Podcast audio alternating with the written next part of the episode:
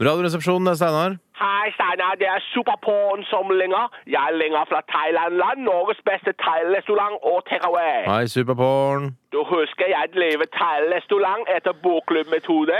Ja, jeg husker det, Superporn. Så vil du avbestille to vårruller, to sataikylling og tre innbaktskampi søt chilisaus. Eh, ja, for jeg tror jeg skal spise i kantina i dag, jeg. Eller byssa, som vi kaller det her, da. Hvis du veit hva bysse er, Jeg da. veit hva bysse er. Jeg var kokke på en stor skute utenfor Koh Samui på begynnelsen av 80-tallet. Der lagde jeg vårruller og suger mannskap hver dag. Én suger jeg opp 200 baht.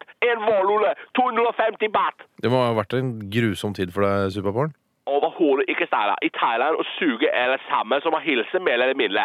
Akkurat som i Frankrike man kysser kinn, eller i Norge man tar hverandre i hånda. Så det å suge noen i Thailand er det samme som å håndhilse i Norge? Ja. Men man tar jo ikke betalt når man håndhilser på noen i Norge. Ikke? Nei, Det er veldig uvanlig i så fall. Annen kultur, Steinar.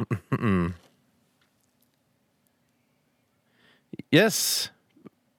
Vil du gifte deg med meg, Steinar? Nei, dessverre. Jeg vil nok ikke det i dag heller, Superporn. Hvorfor ikke? Du vet jeg blir god kone for deg. Lage vårlulle, gi thaimassasje, suge, vaske, lyde, ikke blande meg inn i din business. Jeg blir slags silent partner for deg. Ja, Det er vel ikke helt sånn type forhold jeg har sett for meg, da.